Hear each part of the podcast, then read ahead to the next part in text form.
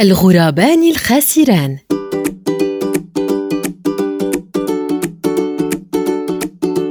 في غابة جميلة غناء سمعت الحيوانات صوت شجار غرابين واقفين على غصن شجرة عال.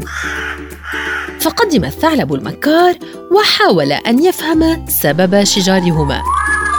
وما إن اقترب أكثر حتى سأل الغرابين. ما بالكما أيها الغرابين؟ فقال أحدهما اتفقنا على أن نتشارك قطعة الجبن هذه بعد أن نقسمها بالتساوي لكن هذا الغراب الأحمق يحاول أن يأخذ أكثر من نصيبه. فابتسم الثعلب وقال إذا ما رأيكما أن أساعدكما في حل هذه المشكلة وأقسم قطعة الجبن بينكما بالتساوي؟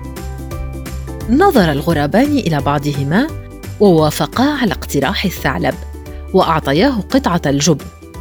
فقسم الثعلب قطعة الجبن وقال يا إلهي لقد أخطأت في قسمتها فهذه القطعة تبدو أكبر من تلك.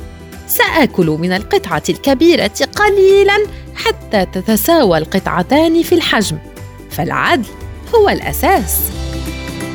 وأكل من القطعة الكبيرة قدمة حتى أصبحت أصغر من الأولى.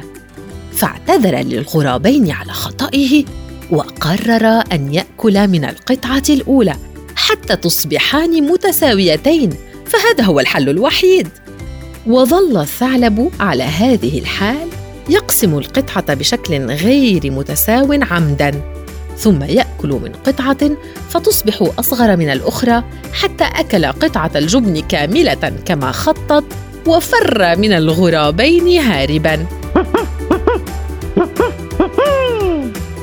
بينما تعلم الغرابان أن يحلا مشاكلهما بنفسيهما دون الاستعانة بالثعلب الشرير.